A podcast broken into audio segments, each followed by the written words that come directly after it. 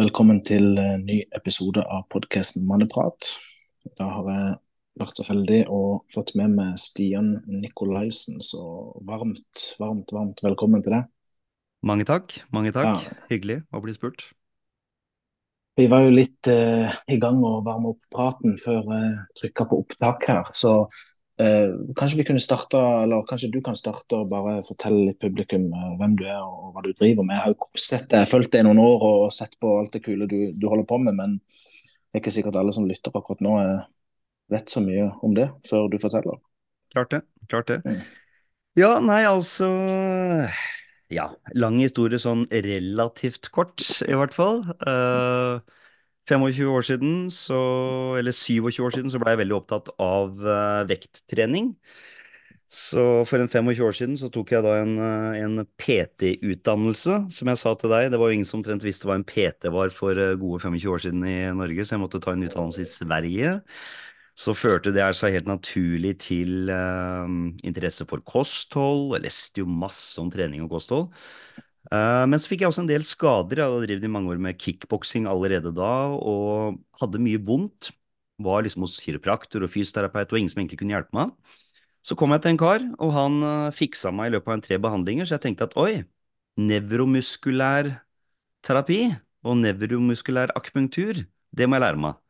Så tok jeg den utdannelsen, starta en klinikk som jeg kombinerte de tinga her, og så var jeg så in hindsight heldig å få ME, utmattelsessyndrom, som jeg sleit med fra jeg var da egentlig eh, rundt 18 år. Men jeg bare prøvde å trosse dette her, ikke sant, så lenge jeg kunne. Og helt til jeg da var 28 år. Og da hadde jeg en liten, eh, kan du godt kalle en tidlig midtlivskrise. For jeg måtte jo gi slipp på denne bodybuilding-fasaden og denne bedriften og businessen jeg hadde starta. For jeg hadde rett og slett, jeg hadde pressa meg altfor langt og hadde ikke noe ork til å gjøre noe som helst. Hadde Og- du med i, i ti år, eller? Yes. Wow. Yes. Wow. Heftig. Jeg fikk det, altså igjen, ikke sant, for, for så mange år siden så var det jo ikke noen som visste, de, de hadde ikke peiling på hva ME var, ikke sant? Mm.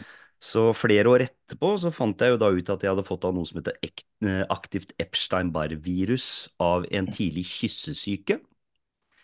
Eh, Men igjen, ikke sant, jeg hadde jo med en gang jeg var kvitt det så gikk jeg på treninga, jeg skulle jo bli svær og sterk og trene kickboksing som sagt, og studere på skolen og ikke sant, alle disse gjøremåla som en er som har som eh, sein tenåring.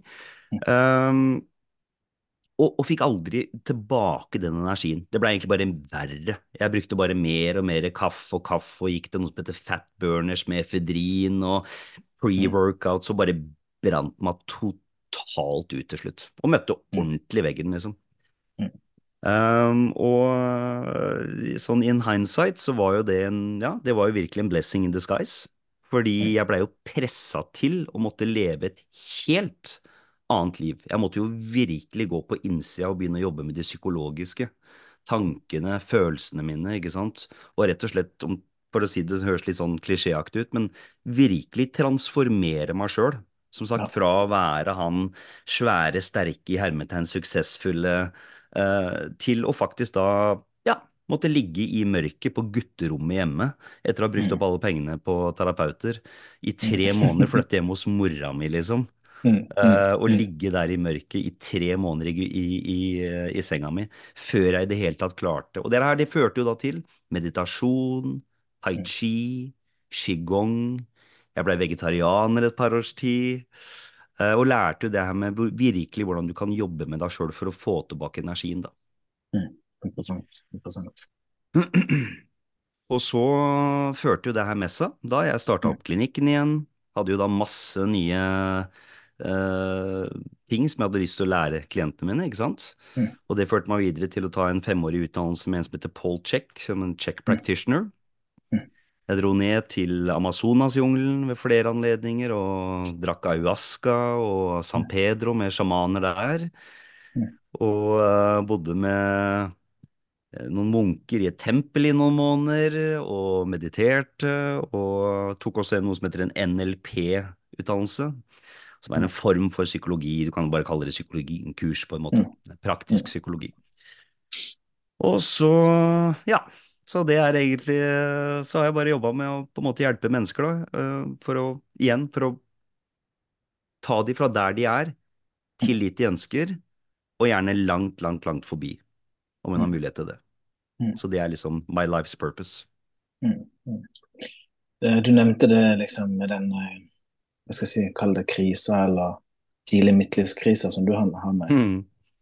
Uh, jeg har snakka med noen flere gjester om det, men det er liksom sånn eh, Jeg har jo hatt uh, min opplevelse med kriser sjøl, og det er sånn, av og til så tror jeg vi har en sånn greie på kriser at å nei, nei, liksom, nå kommer nå så går det til helvete. Mm. Uh, men så kan det egentlig være en velsignelse. Oh yes. Mm. At en krise kommer liksom for å endre det, eller endre livet ditt, eller endre kurs, eller kanskje også som et symptom på at uh, en sånn varsellampe at hei, det er på tide å endre litt kurs her på noen ting. Absolutt. Uh, jeg er veldig, veldig for den der. Jeg tror jo livet kanskje er litt mer på en måte i hermetegn levende enn det veldig mange tror, med hensyn til at, sånn som du sier da, kanskje du får noen små hint. Livet gir deg noen små symptomer. Og så Nei, jeg har liksom jeg har ikke lyst til å, å change den coursen der, ikke sant? Så du bare fortsetter. Du bare kjører Mm. på. Og så får du litt verre symptomer. Litt verre symptomer. Og til slutt så er det akkurat som livet bare gir deg en skikkelig slap on the cheek og sier bare at ok, kompis, hvis ikke du hører nå, ja, Mm. da, bare, da blir du nesten pressa til å måtte forandre kurs. Mm. Eh, og, og igjen, da, det som er kanskje utfordringen til mange mennesker, da, er jo det at da går de, de blir liksom litt slått ut, og de blir kanskje deprimerte, og de blir frustrert, og de blir De føler seg liksom litt hjelpeløse og oppgitte, i stedet for da å ta den lærdommen som disse utfordringene potensielt sett kan. Og den Um, knebøyninga, liksom. Knebøyning i ydmykhet, liksom. Exactly. Det er akkurat det. Og en vet jo det i, i, i som sagt, når jeg sier det at det var en blessing in disguise, en Ja. vet jo det at det er mange, mange, mange ting du har vært utsatt for, og så ser du det kanskje 5, 10, 15, 20 år etterpå, så ser du, oi, det, det jeg følte var skikkelig negativt og dritt den gangen, Mm. sånn, det hadde jo faktisk noen ordentlig flotte oppsider ved seg. Mm. Og det er derfor jeg, det gjør jeg ofte med klientene mine også.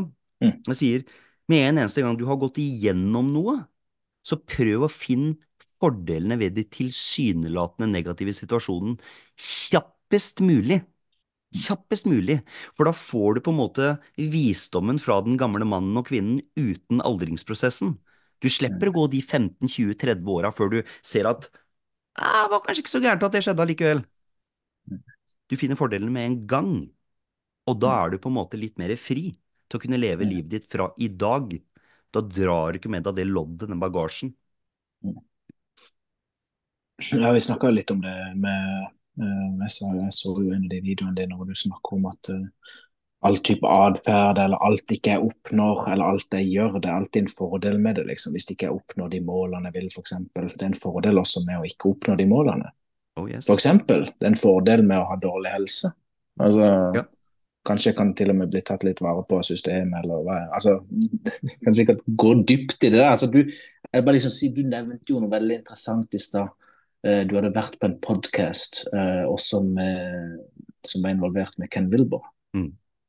Ken Wilber er jo, jeg kjenner jo litt til han, eh, men Ja. han er jo regna som en av de liksom, kanskje største tenkerne eh, som fins, eh, etter hva jeg har eh, bare hørt av andre som Mm. vet veldig godt hvem han er. Eh, jeg har jo aldri snakka med han, eller jeg visste ikke han hadde en podkast engang. Men eh, kanskje du har lyst til å liksom dele litt med oss eh, om hele greia rundt det der, og sånn kom du i kontakt med, med hans podkast og alt dette her. Kule Mm. tingene.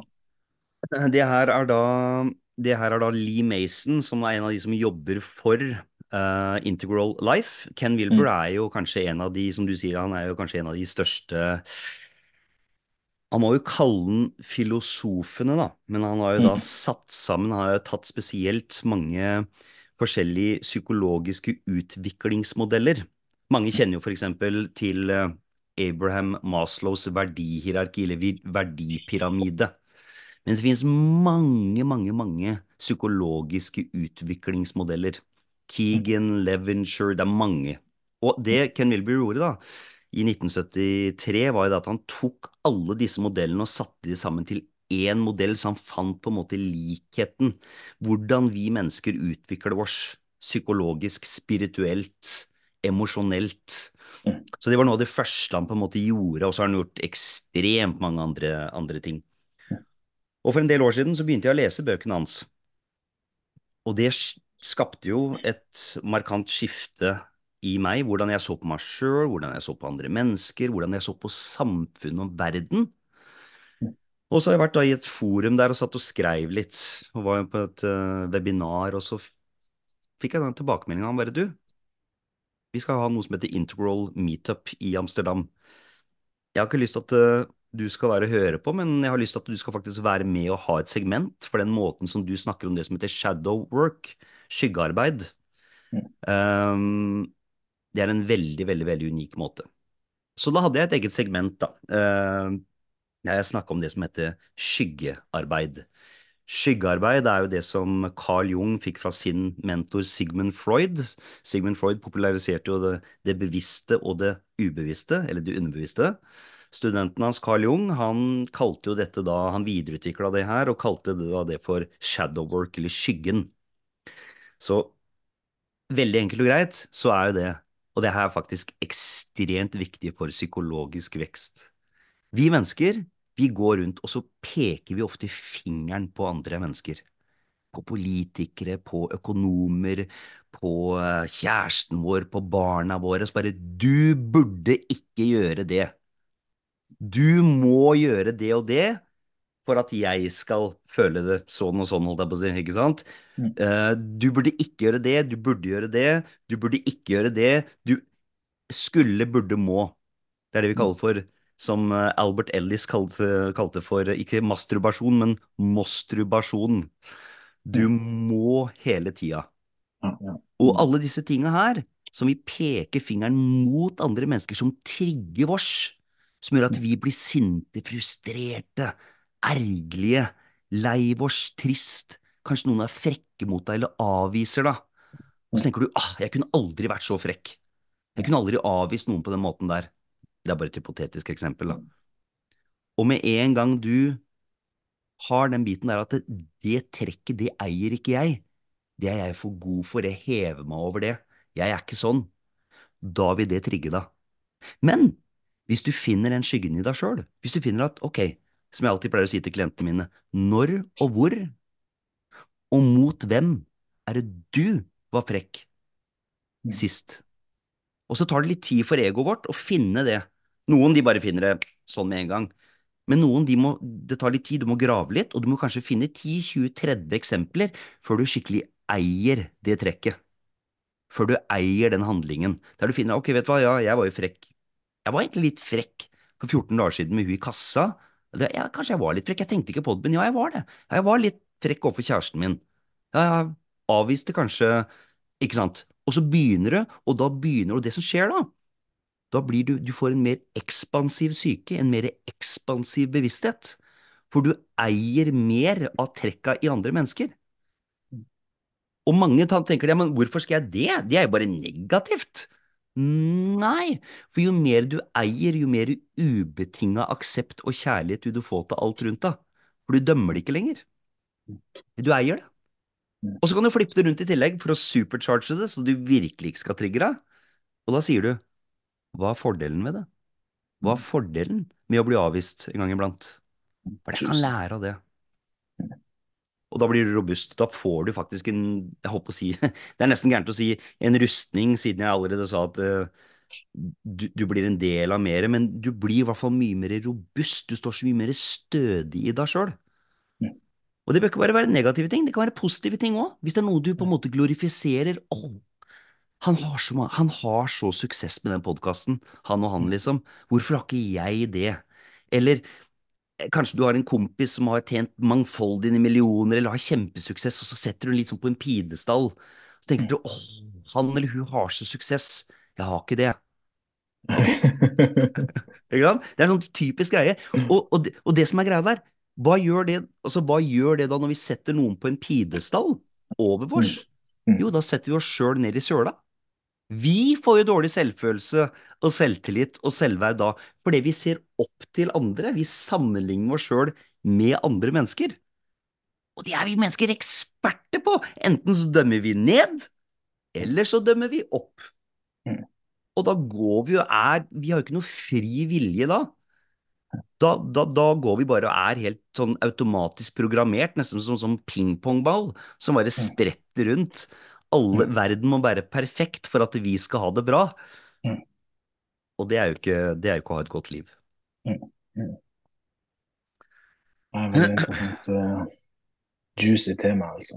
Uh, veldig juicy. Uh, jeg tror jeg ble introdusert til en bok. eh, Du nevnte det, med han Ken Wilber, og så nevnte du en som het Keegan. Eh, Ja.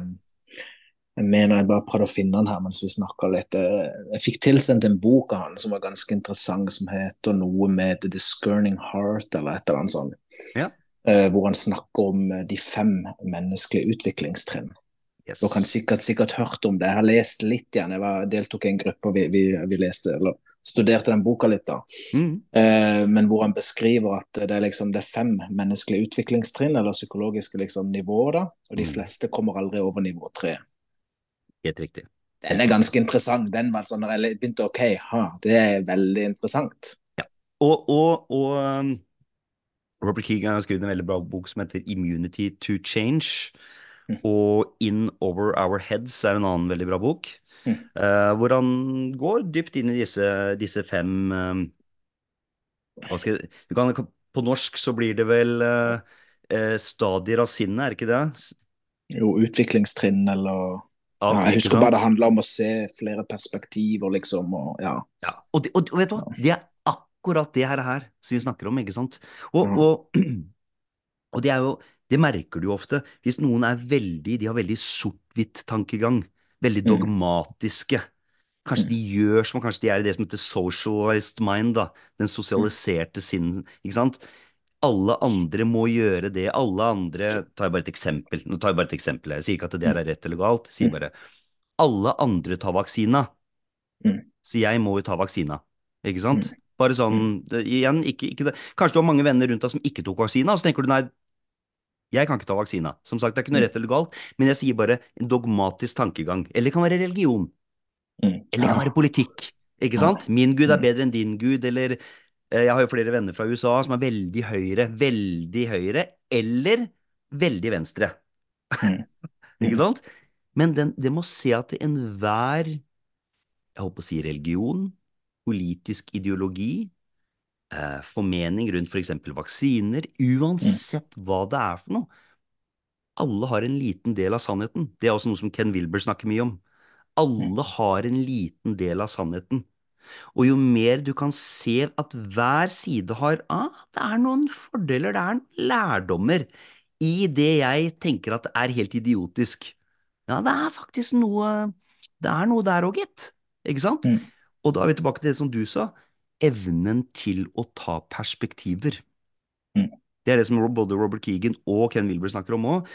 Jeg husker det han hadde et intervju med en som heter Tammy Roberts for mange år siden, og så sier hun hva er hovedaspektet rundt det med å ha høy psykologisk vekst? Og virkelig være nesten ved det vi kaller for integralbevissthet, eller transformative mind, som Keegan ville kalle det. Mm. Så sier han evnen til å kunne ta andre menneskers perspektiver kjappest mulig. Ja, det er en, en interessant life skill, altså. Ikke sant? Mm. Og det jeg gjorde da, måten jeg da brøyt det her ned på, som på en måte blir litt tilbake til det med skyggearbeidet Bare med en gang, bare så lytterne dine faktisk får et sånn lite toolkit. Det som jeg sa der i stad, når og hvor er det jeg har gjort akkurat det samme som jeg dømmer deg enten opp for eller ned for. For da vil du automatisk kunne hoppe inn i deres verden. Ja, jeg gjør jo også det. Ja, det skjønner jeg. Jeg skjønner jo at du gjør det nå, ikke sant? Mm. Og så har du automatisk gått litt mer fra det reaktive fight or flight-mindsettet Mm. til da det høyere reflektive prefrontal cortex sinnet, ikke sant, som er den siste delen av faktisk menneskets utvikling. Det er her det reflektive senteret ligger. Da begynner du å tenke, du begynner å visualisere, du begynner å se løsninger, perspektiver, ikke sant? mm, Du er ikke som sagt i den dogmatiske rett eller galt eller sort-hvitt. mm, Så og, mm, og det er jo det jeg, det er kanskje det jeg brenner på en måte mest for, å hjelpe andre mennesker med. Og det er derfor jeg hele tida utfordrer meg sjøl òg. For jeg pleier å si det at du kan aldri du kan jo aldri gi mennesker noe kunnskap som ikke du har sjøl. Det er jo bokstavelig talt umulig. mm, mm. Så um, Men det er fantastisk å se når, når mennesker får disse innsiktene, og de bare Wow! Jeg ser verden bokst bokstavelig talt annerledes nå, Stian. Ja, Åh, det er fantastisk. ja, ja, ja. Jeg er veldig Jeg håper det, og jeg tror det treffer eh, de fleste som lytter veldig bra. eh, det- liksom det du snakker om, er hvordan vi setter andre mennesker opp på en pidestall, og som spesielt hvordan vi liksom fordømmer andre mennesker. Altså hele den der dynamikken som går. eh, ja. Jeg merker liksom bare sinnet mitt åpner seg altså, når vi snakker om det. Ja, så, så, Ja. så bra, altså. Mm, Noen ganger mm, sånn så er det bare det å faktisk bare En må bare liksom bli litt remind av det, ikke sant? Selv om sånn som mm, du sier, du har vært i en gruppe med der du diskuterte Robert Keegan og den mm, modellen, ikke sant? Noen ganger så er det bare godt å bare få dyppa litt inn i den, og så bare ja, ja, ja, ja, ja. Ja, ok. Eller mm. kanskje det var en litt annen vinkling som jeg Yes. forklarer det på, ikke sant? Og så bare ah, Mm, ok, ja, kult. mm, mm, mm. Uh, jeg har sett at du snakker en del om selvsabotasje. Mm. Eller kanskje ikke en del, men jeg har sett at, du, at det er noe liksom du er dypere inn i, i hvert fall. Uh, er det noe du kunne tenkt deg å si noen, si noen ord om? Altså ting rundt selvsabotasje. Da vil jeg gjerne linke inn noe av det som jeg eh, føler er kanskje noe av det viktigste innen menneskelig psykologi og menneskelig atferd, og det er faktisk verdier. Eh, og så når jeg sier verdier, mange syns det høres litt sånn kjipt ut. Ah, verdier. Jeg snakker ikke om religiøse verdier eller kulturelle verdier. Alltid snu det andre kinnet til. Alltid, alltid til enhver tid sett barna dine før deg sjøl. Jeg snakker ikke om sånne kulturelle, dogmatiske verdier. Jeg snakker om hva er det livet ditt faktisk demonstrerer? Hva er det som egentlig er viktig for deg? Og hvordan finner du ut det? Jo, bare du faktisk finner deg sjøl å tenke mest og visualisere mest om i løpet av en dag, uke eller måned. Ikke sant? Hva er det du faktisk tenker mye på? Hva er det du faktisk har med deg? For eksempel telefonen? Ok, men hva er det den representerer for deg? Er det TikTok og Instagram? Eller er det kanskje lydbøker og podkast om selvutvikling, på en måte, ikke sant? Det er to vidt forskjellige ting hva den telefonen representerer. Hvis du hører på podkast eller lydbøker to timer om dagen, og det er om ett eller to temaer som gjentar seg hele tida, da er det en veldig god indikator for at det er viktig for deg. Ikke sant? Eh, hva er det du elsker å snakke med andre mennesker om? Hvor du ofte prøver å dra samtalen over? Hvilke temaer er det du bare kan snakke om i timevis? Og du går, nesten, du går nesten aldri lei, ikke sant? Hva er det du for eksempel um, bare naturlig tiltrekkes? YouTube, igjen, podkaster, lydbøker. Hvilke temaer er det som fascinerer deg, som ingen trenger å minne deg på? Hvis du har et barn eller tenåring, ikke sant? Så kan det ofte være for eksempel, eller herregud, voksen også, men kan være TV-spill. Det er veldig sjelden du trenger å minne barna dine på at nå må du være flink jente eller gutt og sitte og spille TV-spill i tre timer. Det klarer de helt fint sjøl hvis de elsker TV-spill, ikke sant? Mm, mm, Så det er en høy verdi. Mm.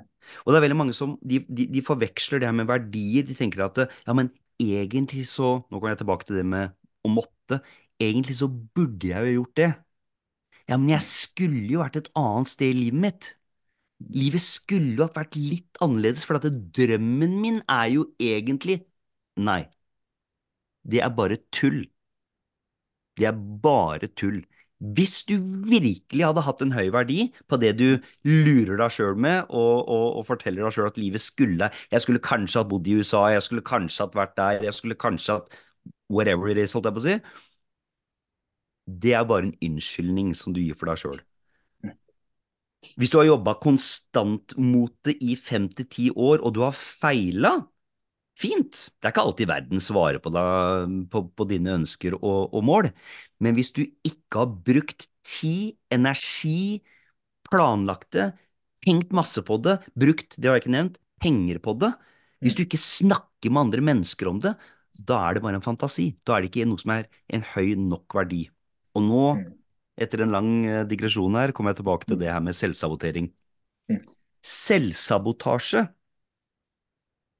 det er, det er da vi ofte Det er egentlig bare et tegn på at du ikke lever etter dine aller høyeste verdier. Du lever egentlig etter noen litt lavere verdier, som du kanskje har blitt fortalt fra mamma, pappa, presten, sosiale medier, onkel, tante, venner, at det er det du burde gjøre. Du burde satse inn det området der. Det, du, du burde, ikke sant? Og så har vi da fått det, det som Freud kalte for injiserte verdier fra ytre autoriteter, superegoet vårt. Så da blir vi fortalt at vi skulle gjort det, vi burde hatt gjort det, jeg må få gjort det. Men det er ikke det livet ditt egentlig demonstrerer. Og guess what? Da vil du på en eller annen tid selvsabotere. For det er ikke egentlig det du har lyst til. Det er ikke det livet ditt egentlig dreier seg om. Så det er det oftest selvsabotasje går. Men skal det være én ting til. Hvis du har for mye skyld, skam eller dårlig samvittighet, eller frykt for å feile, så kan du også klare å gjøre til med en høy verdi til selvsabotasje. Fordi hvis frykten, eller for eksempel skammen over det du har gjort, eller den du er, eller noe sånt, er høyere og viktigere enn verdien, da vil du selvsabotere. Så som regel så er det at ikke du gjør det som egentlig er viktig nok for deg, men det kan som sagt også være at du har for mye frykt, skyld eller skam. Interessant den du sa også med frykten for å feile. Det er ikke første gang jeg har hørt om det, og så kjent på det sjøl. Liksom, og, og, så undrer jeg meg over okay, hvorfor har jeg så frykt for å feile. Liksom. Mm. Hvor kommer det fra? Ikke sant? Ja. Ikke sant? Og nervøsitet, engstelse, det å være redd eller frykt, det er egentlig bare synonymer for samme, samme greia, ikke sant? Um, egentlig så er det det er alltid basert på en tanke om noe som kommer til å skje i framtida. Ikke sant? All frykt, all engstelse, det vil alltid være framtidsorientert, eller en framtidsorientert tanke. Du er enten redd for å få en sykdom, å få konflikter, å få for høye regninger, å få, eh, få et eller annet du ikke vil ha, eller så er du redd for å miste noe du faktisk vil ha. Redd for å miste penger. Redd for å miste barna dine. Redd for å miste anerkjennelse. Redd for å miste helsa di. Ikke sant? Så det du kan gjøre som en veldig, veldig veldig enkel og lett og grei oppgave Det er ikke alltid det er så enkelt, men det er, eller unnskyld, det er ikke alltid det er så lett, men det er egentlig ganske enkelt. Du finner ut helt spesifikk hva er det jeg faktisk er redd for at skal skje. Hva er den frykten? For det sinnet elsker å lage historier. Det elsker å lage historier. Så konkretiser det helt spesifikk. Gjerne, det her det må en alltid skrive ned. Helt spesifikk hva er det jeg er redd for at skal skje. Så skriver du det ned, og så flipper du det rundt. Bruker du samme greia som jeg har nevnt tidligere. Hvis det skjer, hva er fordelen? Hva kan jeg lære av det? Hvordan kan det hjelpe meg?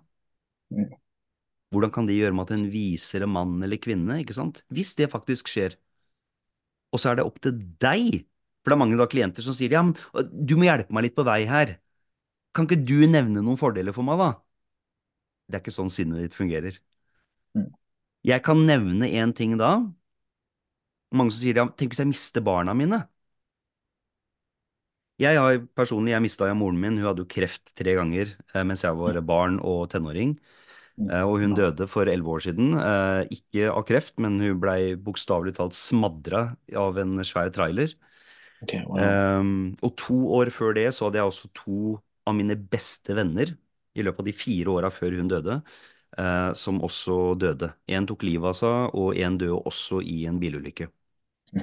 Så jeg vet veldig godt hvordan det er å faktisk miste noen du er glad i. Sterkt. Og det må faktisk finne fordelen Mm. ved å miste noe, om det er en karriere, om det er penger, om det er anerkjennelse, om det er noen du er glad i, det må klare å finne fordelen ved det. Det vil gjøre at du blir mye mer robust. Igjen, Mm. det er også egentlig bare skyggearbeid. Mm. Så hvordan, hvordan eh, føler du at det påvirker deg i ditt liv, da? Eh, spesielt det med din mor. eh,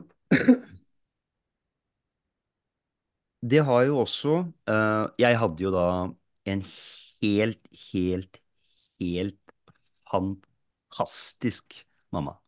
Mm. Hun var De kalte henne for jordengelen og på sykehuset. Hun var sykepleier, eller hjelpepleier.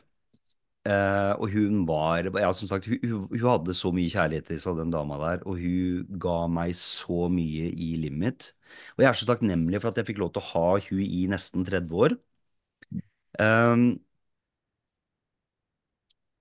og hvis jeg hadde valgt den i hermetegn lette veien, så kunne jeg sittet og tenkt at livet hadde jo vært bedre hvis hun hadde vært der.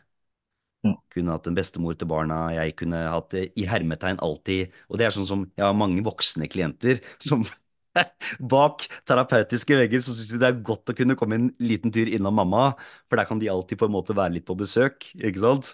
Mm. Um, så det er så mange grunner til, positive grunner til, å ha en mor. Mm. Men da kan du bli hengende fast i den historien om at livet mitt vil aldri bli like bra Mm. hvis jeg, som hvis jeg hadde hatt de to vennene eller hatt moren min, ikke sant? Og da er du igjen tilbake, så hvordan har det påvirka livet mitt? Jeg hadde jo aldri vært den mannen jeg er i dag. Aldri den terapeuten, den coachen, den Mm. kjæresten, den vennen jeg er i dag, hvis jeg ikke hadde mista de vennene mine og moren min. Mm. Aldri! For jeg hadde jo ikke visst hvordan det er å kjenne på intens sorg på Mm. den måten, og så klare å vokse meg ut av det. Og ikke bare sånn Det toucher ikke meg, jeg er liksom sånn bare Men virkelig genuint klare å faktisk snu det rundt. Mm. Og faktisk finne fordelene ved det. Mm. Og finne styrkene ved det. Uh, og det har vært helt uvurderlig. Både for meg som menneske, og som sagt for venn, som kjæreste og som terapeut. Um, helt uvurderlig. Så det, det er fælt å si noe sånt som at jeg ville aldri vært foruten det. Men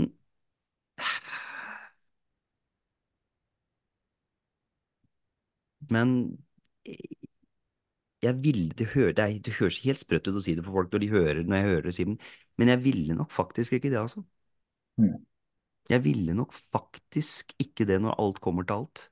Fordi jeg hadde ikke vært den personen jeg er i dag. Jeg kunne aldri vært den personen jeg er i dag, om Mm. ikke det hadde skjedd. Mm.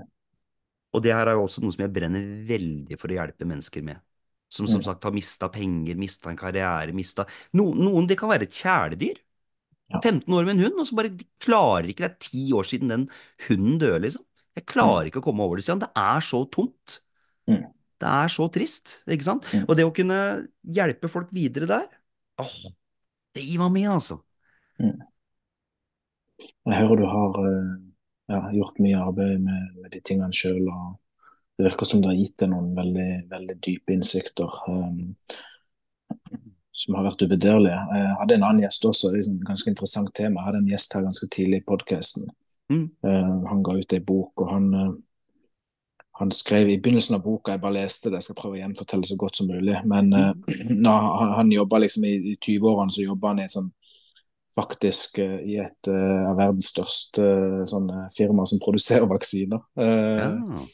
Eh, så han var en endring da, hvor han begynte å jobbe mer med mennesker og var på et uh, event i USA uh, for uh, markedsføring. Markeds online marketing event, Ganske stort event som heter World Domination eller et eller annet sånt. Jækla kul fyr. Men greia var at han skulle hoppe i fallskjerm første dagen på det eventet.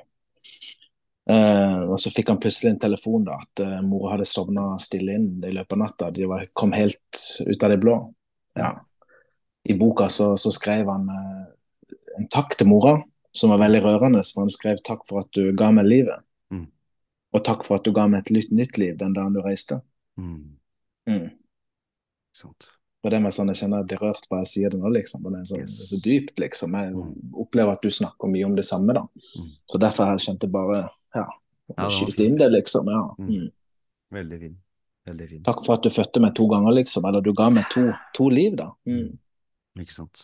Den dagen du ble født, og den dagen du døde, da. Og det er, det er, jo akkurat der det Det er faktisk akkurat der det ligger. Det er akkurat der det ligger. Og spesielt da, som sagt, hvis du velger å ta det igjen tilbake til det med perspektivet. Mm. Hvis det er den retningen du velger å ekspandere i, ikke sant. Mm. Du faktisk ser, ja, jeg fikk et liv med, jeg fikk et liv uten. Og det mm. er faktisk nesten på en måte som å bli født på, på nytt, liksom, det også. Mm. Så kan du velge å gjøre det til mareritt eller til et eventyr, ikke sant. Mm. mm. Så Nei, så, så, det er mye Det er så mye en kan gjøre med hensyn til tanker og følelser og handlinger, da. Mm. For å egentlig komme liksom ut av egentlig de aller fleste sånn problematiske ting. Um, og det må gi, jeg kaller det for psykolæring, eh, eller psykoundervisning, eh, det jeg holder på med. For jeg syns det er så mange Det er mange gode modeller, men det er ikke så veldig mange komplette modeller med hensyn til hvordan vi mennesker på en måte fungerer psykologisk, da. Mm. Og det må faktisk nesten Og det her burde jo ah, Det burde bare vært Det burde vært implementert i skolen, ikke sant? Yes. Det er jo mm. noe vi burde, vi burde lært uh, mindfulness, tilstedeværelse, meditasjon, ikke sant? Litt det med å liksom forstå det at hvis du tenker en tanke, ja, da vil jo det skape en følelse. Mm. Og den tanken og følelsen, det vil jo skape en handling, ikke sant? Mm. Så hvis du tenker en kjip tanke, uansett hva det er for noe, så vil du jo føle en kjip følelse. Og da vil du enten bli passiv, eller så vil du mest sannsynlig ikke gjøre noen verdens ting, altså det å være passiv, eller å gjøre noe negativt. Og så fòrer det den nye tankeloopen igjen, ikke sant? Mm. Altså hvordan være... snu den der spiralen der, liksom. Ja. Yes. Det er jo en spiral, enten går det ned, eller så går det opp eller fram, liksom.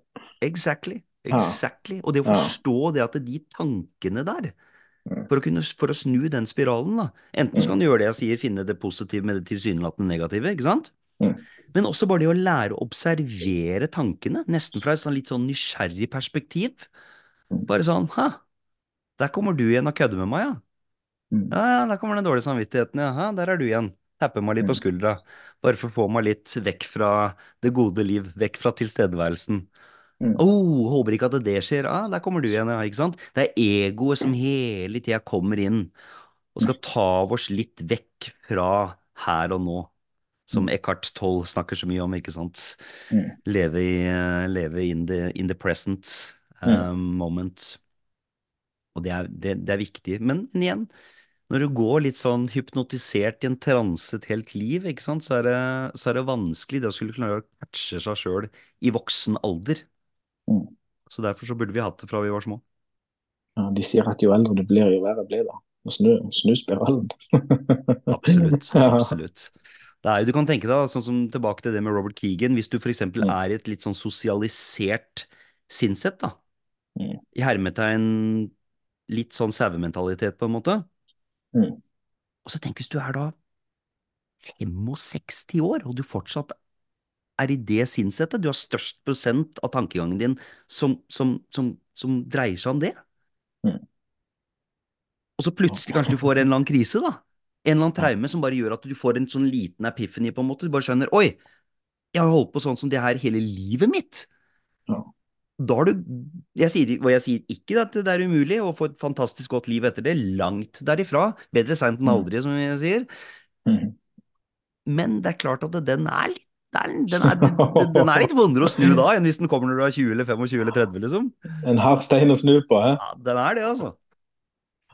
Men all kred til de altså. som gjør det. All kred til de som gjør det, da. Oh, absolutt. Wow, Absolutt. liksom. Ja. Og det er det som er litt sånn artig med selvutviklingsveien, eller personlig utvikling, Mm. kall det hva du vil. Mm. Mm. Det er jo det at det er mange som sier at hadde, hadde jeg visst at det var så tøft Mm. å begynne med den der selvransakelsen, Mm. så vet jeg ikke om jeg hadde gjort det, men på en annen side, liksom, hva er alternativet? Gjøre det samme du alltid har gjort, da vil du jo få det samme du alltid har fått, og definisjonen på galskap er jo akkurat det, ikke sant? Det er å forvente et annet resultat enn det. Jeg vet ikke med deg, liksom, Stian, men jeg tror kanskje du er litt sånn som også, at jeg, jeg er litt sånn, jeg kan ikke ha samme Nå spiser jeg ikke så mye brød og sånn, men jeg kunne ikke hatt samme pålegg på skiva hver dag, liksom. Jeg er altfor nysgjerrig liksom, på hva annet som fins. Ja, veldig godt sagt. Veldig godt sagt. Det er akkurat, eh, akkurat det som er greia. Det er akkurat, og det er sikkert sånn som lytterne dine, med hensyn til de temaene du tar opp og sånn, jeg, jeg regner med at lytterne dine er litt interessert Altså, som du sier, da, for å bruke de ordene, for det er jo det det er, at de er litt nysgjerrig. De er litt nysgjerrig. Liksom. Nysgjerrig, ja, ja. Er det noe Folk mer er livet kan by på? Yes. Yes. Mm. Ikke sant? Nysgjerrighet Og- og- er nøkkelordet her, tror jeg. Til liksom, jeg tror nysgjerrighet er en del av ungdomskilden, rett og slett. For når du slutter å bli nysgjerrig, så stagner, ja, stagnerer ting også, da. 110 Mm. 110 Hva er det du, bare for å stille deg et spørsmål tilbake mm. først er hva, hva, hva er det du på en måte um, har lært mest av alle disse intervjuene, når vi snakker om de temaene her og sånn? Oh, jeg har lært så sykt mye. Eh, Jeg vet liksom ikke hvor jeg skal begynne. Eh, Jeg starta jo podkasten for litt over et år siden. Ja. Før det så hadde jeg også en del eh, intervjuer som jeg faktisk aldri la ut. For det var en kneik for meg å bare begynne å publisere. Mm. Mm. Eh, og så har jeg liksom i det siste så har jeg faktisk gått og liksom kritisert meg sjøl litt for at ikke det kom ut nok podcaster i fjor. Ja. Og så, så eh, eh, hørte et intervju med en, en, eh, en som har lært mye markedsføring av. Eh, og han sa det at når han begynte, så hadde han et veldig bra år. Første år han starta podkast, hvor han hadde 18 episoder det året.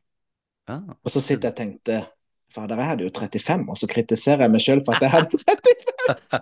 Han her er liksom sånn helt syk innen, innen markedsføringsverden da. Så ja. det er litt sånn, ok, det ga meg et perspektiv på Kanskje jeg skal liksom være litt snillere med meg sjøl og tenkte at fader, er det i hele tatt publisert en podkast, liksom? Ikke sant? Senke Ja. lista litt. Grann. Du hadde Ja. rimelig høye krav til deg sjøl, da.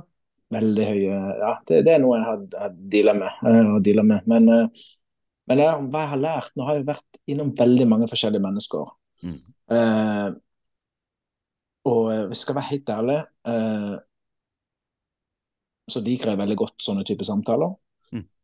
Uh, men det som er at når jeg hadde en krise i 2018, heftig krise, jeg ble både far og møtte veggen så kraftig og begynte liksom å få Jeg ble så redd, for jeg begynte liksom å få suicidale tanker uh, når jeg sto med, med et barn. da, Det var sånn Wow, skjer dette her i livet mitt? Ikke sant? Ikke sant? Uh, da begynte jeg å søke en del hjelp, og, og søkte mange steder der jeg liksom Skal jeg ikke nevne noen for å smartmale noen, men eh, det var mange ting som ikke funka for meg, så jeg ble enda mer tvingt til å søke. da, Hva er det som finnes? Det, må, det er nødt til å finnes noe, liksom. For det Oh, yes. alternativet, liksom, det var ikke noe alternativ for meg å, å, å ende ting. Eh, det, det vekka mer en sånn da, på å finne Mm. svar. Så bra. Eh, så liksom siden den gang så har nysgjerrigheten min vokst, og det merker jeg etter hver episode, så vokser bare nysgjerrigheten min mer. Så den blir bare større. Jeg, er litt sånn, jeg, jeg var ikke så nysgjerrig i ungdomstida. Uh, jeg hadde en del røffe runder i ungdomstida, uh, og da var jeg ganske sånn ja, passiv, eh, mer IF-holdning. Ja. Men det er liksom sånn i voksenalderen så har jeg fått den der sinnssyke læringsnysgjerrigheten. Uh, så det er jo det liksom som er interessant, syns jeg, å snakke med så mange mennesker med så mye eh, erfaring, kunnskap uh, og visdom. Uh, hvor det er bare wow, liksom. Du bare føler hver episode utvider sinnet mitt. da. Så det er jo nesten som en utdanning, da. Ja. Mm. Ja, og, og, og, og jeg jeg hadde akkurat samme opplevelsen jeg, jeg husker liksom jeg lærte på skolen, spesielt barneskole og ungdomsskole og sånn. Mm. Ja, det var et par fag du syntes var liksom greit nok, da. Men det med å lære, liksom, de var jo en sånn derre åh, lord, liksom.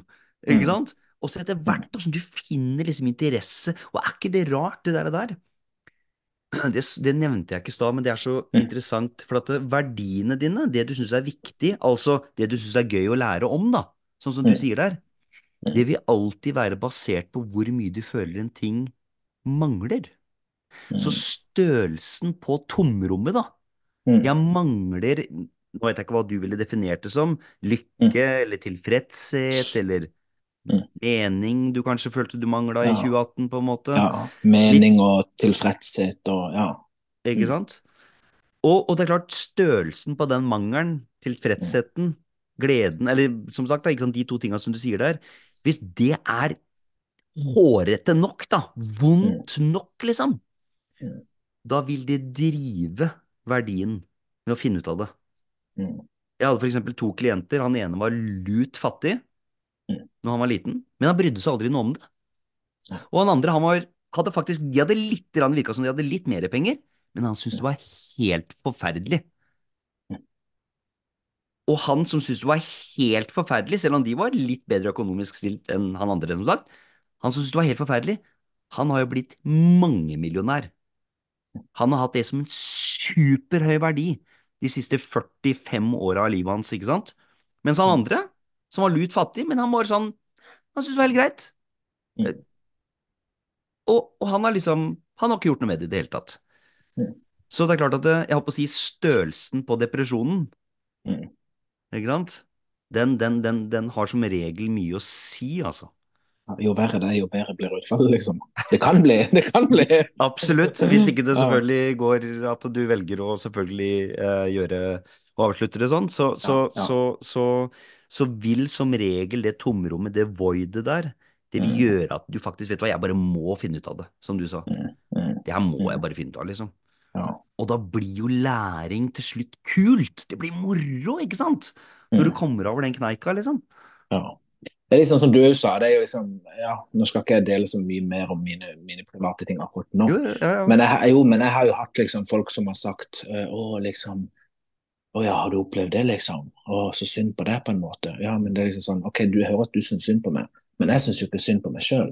Jeg er jo dypt, dypt takknemlig for all den smerte jeg har vært igjennom, liksom. Yes. Yes. Ja. Jeg har ikke, ikke noe Det var noen år hvor jeg var dypt nede i offerrollen også. Ja, ja, med jævla god grunn, liksom. Ja, ja. Men ikke sant, det har vært en prosess, det òg. Jeg ser liksom Vi hadde jo en gjest sist som snakka mye om det med, liksom, med offerrollen og Og det er jo et ganske interessant tema. Eh, eh, men det er liksom sånn som litt som du er inne på, da, å se fordelen med det og ta, ta personlig ansvar. Da, du vokser inn i, inn i the next level, da. Mm. Ja, ja, det, det, det, ikke sant. Hvis du ser fordelene ved den situasjonen du er i, Mm. så kan du egentlig ikke synes synd på deg sjøl. Du kan Mm. egentlig ikke eh, se på deg sjøl som et offer, ikke sant? Mm. Mm. Så, så, så i hvert fall, eh, og det finnes jo mange forskjellige Det finnes jo hauger av forskjellige mentale modeller for hvordan f.eks. jobbe med offerrollen, ikke sant? Mm. Men jeg pleier å gjøre akkurat det samme der, altså. Jeg bare helt spesifikk, hva er det jeg syns synd på meg sjøl for? På sinnet, Mm. som sagt, elsker å lage masse historie ut av ting. Mm. Helt konkret, hva er Mm. det? Nei, ok, jeg mangler det og det, eller han gjorde det og det, eller Han var dum. Ikke sant? Ja, han var dum. Han var dum! ikke sant? Eller jeg har vært dum, og så ble jeg Ja. dømt, og så ikke sant, rakker det ned på seg. Ok, igjen, hva er fordelen? Hva er fordelen? Snu det rundt. Mm. Finn så mange Mm. fordeler du kan, og da ender du opp med det du sa. Til slutt så blir du faktisk takknemlig. Mm. Mm. Veldig, veldig spennende podkast-episode. Jeg syns det var fint å, å ha det her. altså. Nå starta du også en podcast, en ny podkast. Du har jo starta noen podkaster før, har du ikke det? Eller hatt Jo. noen episoder her der. Så eh, vi snakka litt om det. Du starta en podkast i, i går. Eh, Veldig kult. Eh, Jeg skal også ta og legge til informasjon om det i podkast-episoden. Nettside, podkast og alt som er din vei. Fantastisk. Takk. Så hvis folk som lytter på, hvis du vil høre mer fra Stian, så har han også en del videoer og kule ting på sosiale medier. Mm. Mm. Yes. Jeg ser at vi endrer oss en time. Ja. ja. Bare takke for tida di og, og ja, alt du delte. Mange tusen takk. Veldig koselig å prate med deg, Fredrik. Jeg ønsker deg Mm. masse lykke til videre med podkasten også. Det var en glede. Mm. Så er det noen spesielle temaer du tenker at du kan få skvisa ut av meg i framtida, så er det bare å si ifra. Kult. Kult. Takk for det. Ha det godt. Ha det.